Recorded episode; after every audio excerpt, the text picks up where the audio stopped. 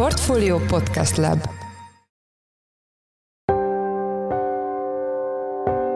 Mindenkit üdvözlünk, sziasztok! Ez a Checklist a Portfólió napi podcastje március 23-án csütörtökön. Az adás első részében arról lesz szó, hogy a kormány friss döntése értelmében a korábbinál kevesebb befektető számára lesz elérhető a jegybank által meghatározott 18%-os irányadó kamat tehát azzal, hogy a, a kormányzati intézkedés kizárta korábban a magyar szereplőket a jegybanki betétből, a diszkontkötvényen keresztül ismét hozzáférhetek el a 18%-os szinthez, és a tegnapi döntés értelmében most ezt a diszkontkötvényes elérést is korlátozta a kormány. Vendégünk Árgyalán Ágnes a portfólió elemzője. A második részben oktatás lesz a téma. A kormány is arra készül, hogy megszünteti a tanárok közalkalmazotti jogviszonyát, amely szakértők szerint számos negatív következménnyel járhat. Erről Radó Péter, oktatáskutatót kérdezzük. Én Szász Péter vagyok, a Portfólió Podcast Lab szerkesztője, ez pedig a checklist március 23-án. Folytatódik a csörte a kormány és a Magyar Nemzeti Bank között. Érkezett ugyanis szerda este egy bejelentés, miszerint a kormány meghosszabbítja a betéti kamastoppot június 30-ig, de ami még Érdekes ebben a közleményben, hogy belepiszkálnak az MNB irányadó eszközébe is, hogy mit jelent ez befektetői szempontból. Arról Árgyalán Ágnes lapunk elemzőjét kérdezzük, aki itt van velünk a telefonban. Szia! Szia Peti, üdvözlöm a hallgatókat is! Elsőként kérlek beszéljünk a kamatstopról. Mit jelent maga a kamatstop, és mit jelent a meghosszabbítása a befektetők szempontjából? Ugye, hogy te is felvezetted, tegnap este jött egy közlemény a gazdaságfejlesztési minisztériumtól, amiben ugye azt írták, hogy június 30-ig meghosszabbítják ezt a betéti kamatstoppot. Ugye ez gyakorlatilag azt jelenti, hogy egyes intézményi szereplők, befektetők, illetve a 20 millió forintot elhelyező lakossági ügyfelek a kereskedelmi bankoknál elhelyezett látraszúró és legfeljebb egyéves futamidejű betétjeik után nem kaphatnak magasabb kamatot adatot a három hónapos diszkontkincsár egy aukciós átlaghozamánál. Lényegében ugye ez az eredeti korlátozás is arra vonatkozott, hogy a piaci szereplők ne férjenek hozzá a jegybanki betét 18%-os kamatához, hanem ez a három hónapos diszkontkincsár egy aukción kialakult hozamokhoz. Ugye ami most egyébként jelenleg a referencia hozamok szerint egy olyan 14,8%, tehát mondhatjuk azt, hogy egy bő 3% pontos veszteséget jelent ez az érintett piac piaci szereplők számára. Az intézkedés, ha jól tudom, az a magyar befektetőket érinti, a külföldieket pedig nem. Ez nem okoz versenyhátrányt a magyaroknak? De egyértelműen versenyhátrányt okoz, hiszen ugye a, a kizárással érintett kör azt valóban a, a magyar intézményi szereplőkre vonatkozik, illetve a magyar magasabb megtakarítással bíró lakossági ügyfelekre, míg ugye a külföldi szereplők továbbra is elérik a jegybanki betét 18%-os kamatszintjét, tehát igen, versenyhátrányról beszélhetünk. Van ennek a bejelentésnek egy olyan része, hogy a kormány megtiltja a diszkont kötvények korlátozás nélküli átruházását. Ez mit jelent? Ez is a, a közleménynek egy fontos, másik fontos része volt. Ugye azt kell ebből, erről tudni előzmények tekintetében, hogy a jegybanknak volt egy olyan lépése, miután a, a kormány meghozta ezt a betéti kamatstoppot, hogy a jegybanki diszkont kötvényeket gyakorlatilag korlátlanul elérhetővé tette a piaci szereplők számára, korlátlanul átruházhatóvá tette. Ez azt jelentette, hogy sokkal szélesebb kör jutott hozzá ehhez a diszkont kötvényhez, ugyancsak 18%-os kamatszinten, mint korábban.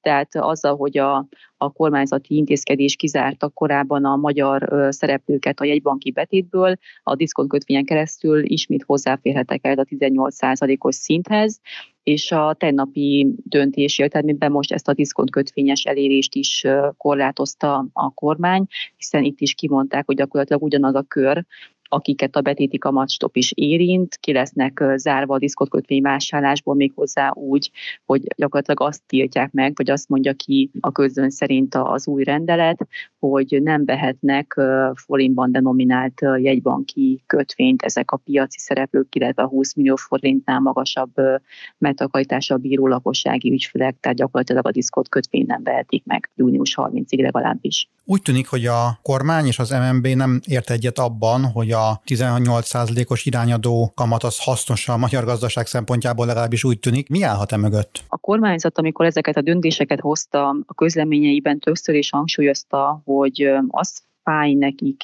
igazán, hogy a jegybanki lépés lényegében elszívja a piaci források egy részét az állampapír piacról. Ugye ezt azt eredményezi, hogy főként ugye a diszkontkincstár egy aukcióknál lehetett látni, hogy valamilyen szinten nyilván volt hatása a DKI hozamokra is ennek a lépésnek, hiszen azzal, hogy kevesebb a piaci szereplő a DKI aukciókon, az aukcióknak az átlaghozama is valamennyire emelkedik. Tehát ugye egyébként ez egy teljesen logikus lépés a piaci szereplők oldaláról, hiszen arra felé fog menni a pénz, ahol magasabb kamatot lehet utána kapni, és nyilván az MNB ilyen szempontból egyfajta versenyt állított a saját eszközeivel az állampapírokkal szemben. Most ugye azt lehet majd várni, vagy véletlenül azt lehet majd látni, hogy azzal, hogy megint ki lesznek tiltva a magyar szereplők a diszkontkötvény vásárlásból, vissza fog szépen csordogálni ez a kereslet a, a DKI aukciókba, és élhetőben ez a DKI hozamoknak a, a mérséklődése irányába fog hatni. Ha már beszélünk a nagyobb befektetőkről, az intézményi befektetőkről, ez a változás, amit most bejelentettek, ez érinti a kisebb lakossági befektetőket? Igen, érinti mindenképpen, hiszen azt látni kell, hogy a, az intézményi befektetők, akik most ugye gyakorlatilag ki vannak zárva a vásárlói körből, azok olyan befektetési alapkezelők, nyugdíjpénztárak, lakástakarí pénztárak, biztosítók voltak, akik végső soron ugye a kisebb lakossági ügyfeleknek a pénzét, megtakarításait kezelik.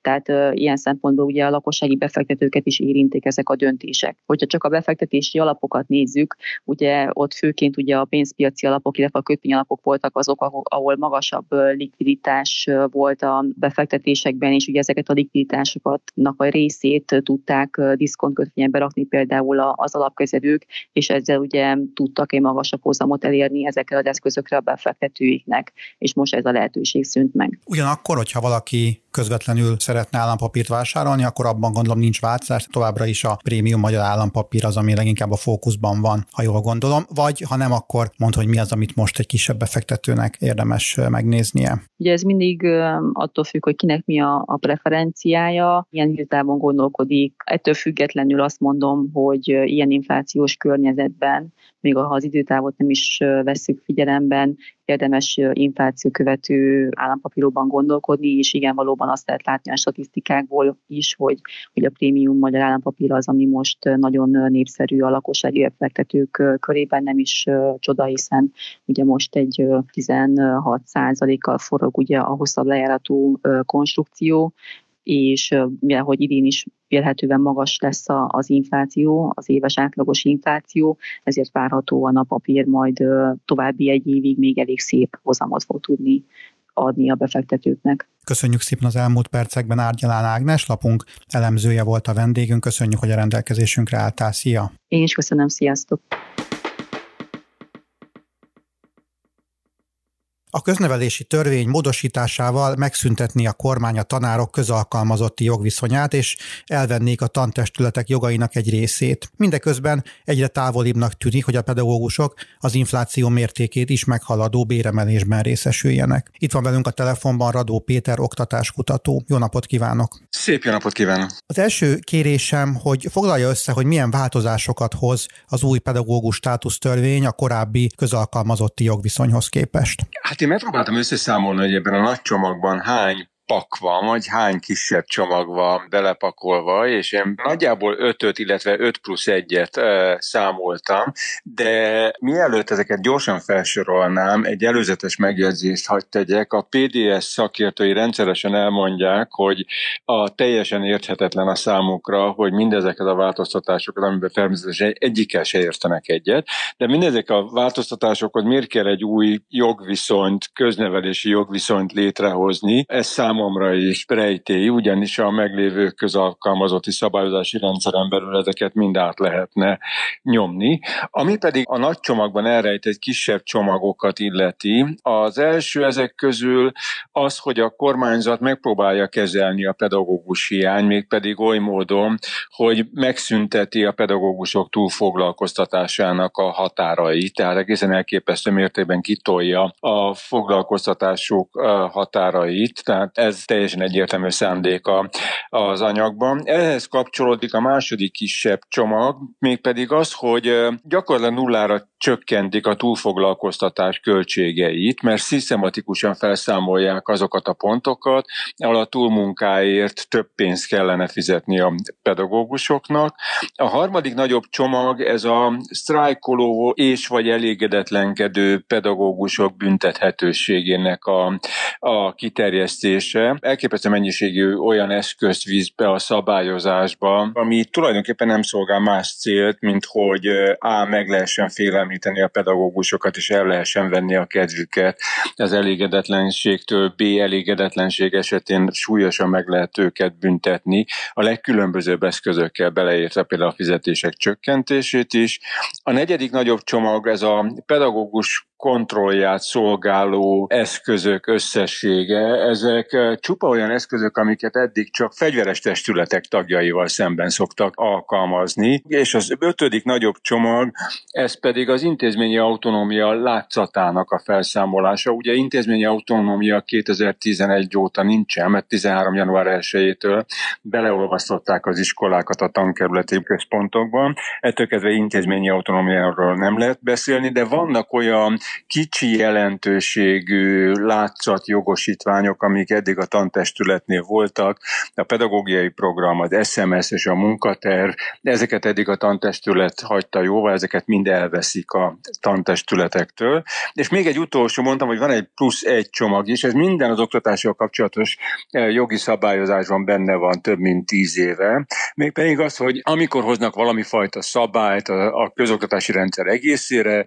azonnal beleírják azt, hogy az egyházi iskolákra ez nem vonatkozik, tehát itt is nagyon pedánsan végigvezeti a kormányzat azt, hogy melyek azok a szabályok, amik természetesen az egyházakra nem vonatkoznak. Itt nagyjából ebből áll össze ez az egész csomag. Kicsit térjünk vissza még a sztrájkra. Ugye azt tudjuk, hogy a tanárok sztrájkját a kormány úgy, hogy is mondjam, úgy veszi el az érét ennek, hogy a még elégséges szolgáltatások biztosításával gyakorlatilag tovább is működtetniük kell az iskolát, mint mondjuk gyerekmegőrzőt, erről majd később beszélünk.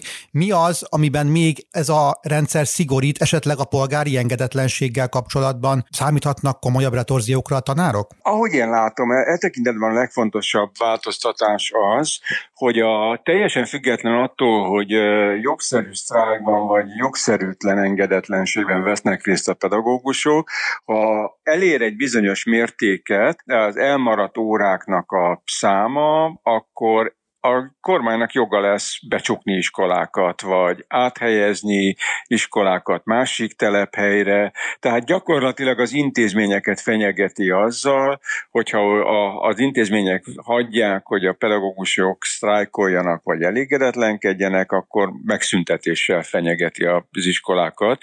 Hát ez egy ilyen, még az eddigi korlátozó intézkedésekre is rápakol egy új dimenziót. Lehetett arról olvasni, hogy szubjektív elemeket vezetnek be a tanárok bérének a meghatározásánál, vagyis lesz egy értékelési rendszer, és akkor az igazgató vagy a tankerületi vezető dönthet arról, hogy esetleg felfelé eltéríti a tanárbérét. Ha jól tudom, arról is szó volt, hogy lefelé is el lehet téríteni, de később ezt végül kivették ebből a tervezetből. Akkor valóban igaz ez? A legnagyobb mértékben igaz. Teljesítményértékelési rendszer eredeti koncepciójában az volt, hogy a az értékelés egyébként a pedagógusok munkája minőségének értékelésére teljesen alkalmatlan rendszer alapján lehet növelni is és csökkenteni is a pedagógusok fizetését. Ez később új módosult, hogy a teljesítményértékelési rendszerhez kapcsolatban csökkenteni nem lehet a pedagógusok fizetését, csak növelni lehet.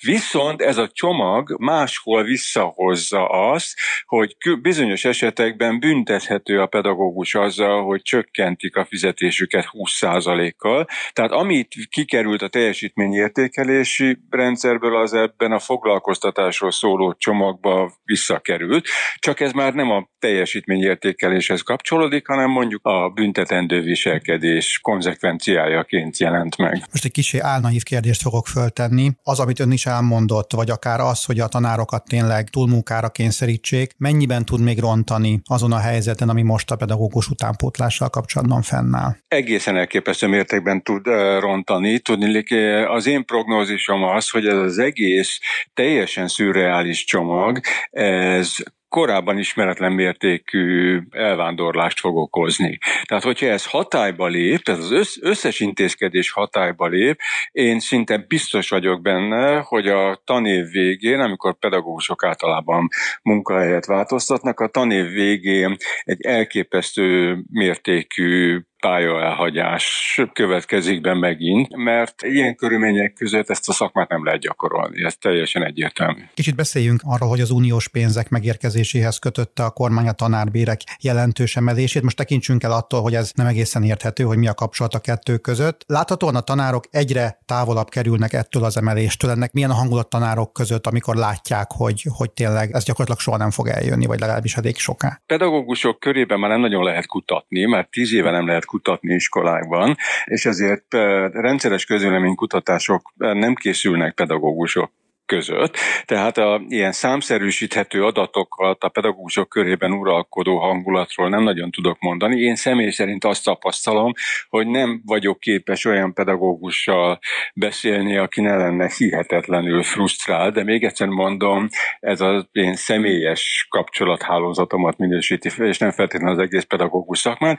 Ennek ellenére minden jelzés arról szól, hogy a egészen elképesztő mértékben frusztráltak a pedagógusok, sok. Az az érdekes helyzet van, hogy a foglalkoztatásról szóló anyag, ez tartalmaz bérsávokat, különböző kategóriákhoz rendelt bérsávokat, amivel kapcsolatban az az érdekes, hogy á, nem mondja meg, hogy ez a következő évekre előirányzott úgynevezett 80%-os bérfelzárkóztatás a végét jelenti, vagy pedig a következő évben bevezetett béremelési lépések mértékét jelöli ki. Tehát nincs egyértelmű menetrendje ennek a bérfelzárkóztatásnak, és teljesen egyértelmű hogy a infláció messze meghaladja azt a mértéket, amivel konkrét béremelési, azonnali béremelési eh, lépéseket a kormány megígért, tehát bérfelzárkóztatásról szó sincs. Ami az anyagban borzasztóan furcsa, hogy eh, minimum és maximum bérsávokat állapít meg, amit én nem tudok másképpen értékelni, mint egy egyszerű üzét, propagandisztikus húzást, mert hogy a, a pedagógusok soha nem kerestek többet, mint a bértáblában szereplő minimum. Tehát, hogy a, egy arról szóló üzenet egy ilyen jogszabályban, hogy azért maximáljuk valahol a pedagógusok elérhető bérét, hogy nehogy túl sokat keressenek, ez egészen elképesztő és irracionális. Még egyszer mondom, ebben csak propaganda funkciót látok, mert semmiféle funkciója nincs annak, hogy maximális béreket is megállapítsanak. Igen, ez nekem is feltűnt, hogy a minimum az bruttó 4-500 ezer forintos fizetés, és akkor a maximum az már bruttó másfél milliót is közelíti. Ez szerintem csak hangulatkeltés, szolgál semmi más. Egyébként, ha megnézzük, hogy milyen mértékű túlfoglalkoztatás került bele ebbe a csomagba, akkor én azt mondanám, hogy az, ami béremelésként benne van, az még, ez még csak nem is kompenzálja azt a túlmunkát, amit rá lehet kényszeríteni pedagógusokra. Egyébként jelzem, a pedagógusok most is elképesztő mértékben túlfoglalkoztatottak. Tehát a munkatervvizsgálatok arról szólnak, hogy hetente nem a törvényes 40 órát dolgozzák le, hanem kb. 50 órát, és még ennek a kereteit is elképesztő mértékben kitolják ezek a jogszabályok, vagy jogszabálytervezetek, szóval teljes mértékben nonsens, ami ebben van. A kormány azt hangoztatja, hogy a cél a diplomás átlagbér 80%-a, tehát ennyi legyen a tanárok átlagfizetése. Egyik kérdésem, hogy Nyugat-Európában mi a helyzet ezzel kapcsolatban, és vajon a tanárok munkáját miért a diplomás átlagbér 80%-ára értékelik? A, az, hogy a 80%-át hogyan lőtte be a kormányzat, azt nem nagyon tudom megmondani. Általában ez az indikátor, aminek alapján a pedagógusok jövedelmi helyzetét tényleg mérni szoktuk, és ez egy nemlékező értelemben is összehasonlítható eredmények eredményeket produkáló indikátor. Általában az európai országokban a pedagógusok átlagbére vagy átlagjövedelme nem éri el a diplomás átlagjövedelmet, de ebben az is közrejátszik, hogy mindenhol elképesztően elnőiesedett a pedagógus szakma, és a nők jellemzően minden európai országban kevesebbet keresnek átlagosan, mint a férfiak. Tehát, hogyha azokban a szakmákban, ahol nagyon erőteljes a nők túlsúlya, tipikusan alacsonyabbak a e, bérek is, ami nonsens, de hát ezt nem nagyon lehetett sehol még Európában teljesen felszámolni. Ami az átlagbéreket, illetve az átlagjövedelmeket illeti, tehát még egyszer mondom, Európában az a jellemző, hogy ez 100% alatt van valahol, van néhány európai ország, ahol 100% fölött van. Tehát Litvániában például a diplomás átlagbérek 120%-át keresik a e, pedagógusok. Szerintem ez a 80% úgy jött ki, hogy ne legyen túl nagy a lemaradása a magyar pedagógusoknak nemzetközi összehasonlításban, de más racionális magyarázat erre nincsen. Hogy látja, hogyha minden folytatódik abban a mederben, ahogy most látjuk, akkor hol látja a magyar oktatási rendszert tíz év múlva? Főleg, hogyha azt nézzük, hogy nagyon sok pedagógus, aki most közel van már a nyugdíjhoz, nyugdíjba megy, és nem lesz utánpótlás. Egyrészt a elkerülhetetlenül folytatódik az a lassú kulturális leépülés, minőségromlás és eredményességromlás, ami az elmúlt tíz évben zajlott, tehát ez szerintem elkerülhetetlen lesz. A másrészt én azt látom, hogy a, azok az intézkedések, amiket a mostani szörnyű helyzethez hozzápakol a kormányzat, például ebben a foglalkoztatási csomagban, vagy például a teljesítményértékeléshez kötött bérdifferenciálással, az olyan mértékű pedagógus elvándorlást vagy menekülést fog eredményezni, amit egy ponton egy ilyen egészen elképesztő feszültséget teremt majd a rendszerben, és, és én azt prognosztizálom, hogy eljön az a pillanat, amikor a kormányzat nem lesz képes másképpen reagálni erre, mint iskolák bezárásával és iskolák nagyon erőteljes összevonásával, annak érdekében, hogy felszabadítsam bizonyos iskolákban pedagógusokat, akiket összevont iskolában foglalkoztathat. De nem tudom megjósolni, hogy ez mikor fog bekövetkezni. Lehet, hogy két év, lehet, hogy öt év, de szinte elkerülhetetlennek látom. A végén lenne egy mondjuk úgy provokatív kérdésem. Igaznak tartja-e azt a megállapítást, hogy az oktatás, mint olyan, nem tud tényszerűen összeomlani, hiszen az iskolák gyerekmegőrzőként mindig funkcionálni fognak, az pedig, hogy ott milyen tudást adnak át, az igazából mindegy, és lesznek azok a szülők, nyilván a jobb módú szülők, akik majd meg tudják oldani máshogy, hogy a gyerekeik a megfelelő tudást megkapják. Mivel ezt mondom én is, teljesen egyetértek vele, de ez nem egy értékítélet, hanem a jelenlegi helyzet többé-kevésbé realisztikus leírása.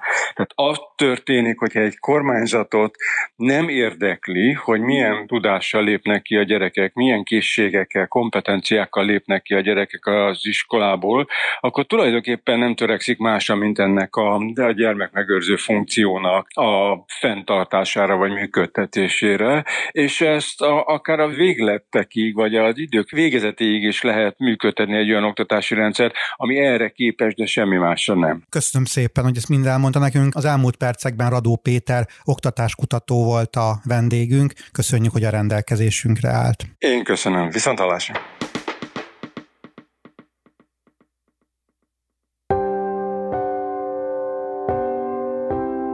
Ez volt már a Checklist, a Portfólió munkanapokon megjelenő podcastje. Ha tetszett a műsor és nem tetted volna, iratkozz fel a Portfolio Checklist podcast csatornára valamelyik nagyobb platformon, például Spotify-on, Apple vagy Google Podcast-en. Ha segítenél nekünk abban, hogy minél több hallgatóhoz eljussunk, értékelj minket azon a platformon, ahol ezt az adást meghallgattad. A mai műsor elkészítésében részt vett gombkötő Emma és Bánhidi Bálint, a szerkesztő pedig én voltam Száz Péter. Új műsorral péntek délután 5 óra magasságában jelentkezünk, addig is minden jót, sziasztok!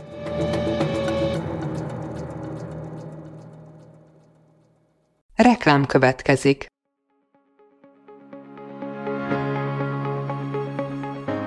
Raúl Müller Lajos vagyok, az Agrárszektor főszerkesztője. Májusban két tematikus konferenciát is rendezünk Kecskeméten az agrofood szektor szereplőinek. A május 22-én tartandó Portfolio Agrofood 2024 konferencia az élelmiszeripari vállalkozások, beszállítóik, a szolgáltató cégek és a kereskedők számára nyújt egyedi betekintést az aktuális trendekbe. A május 23-án megrendezendő Agrofuture konferencia pedig egyedülálló módon tematikus formában foglalja össze a hazai agrárgazdaság fenntarthatósági követelményeit és innovációs lehetőségeit. Jöjjön elő is, részletek és jegyek a portfolio.hu per rendezvények oldalon.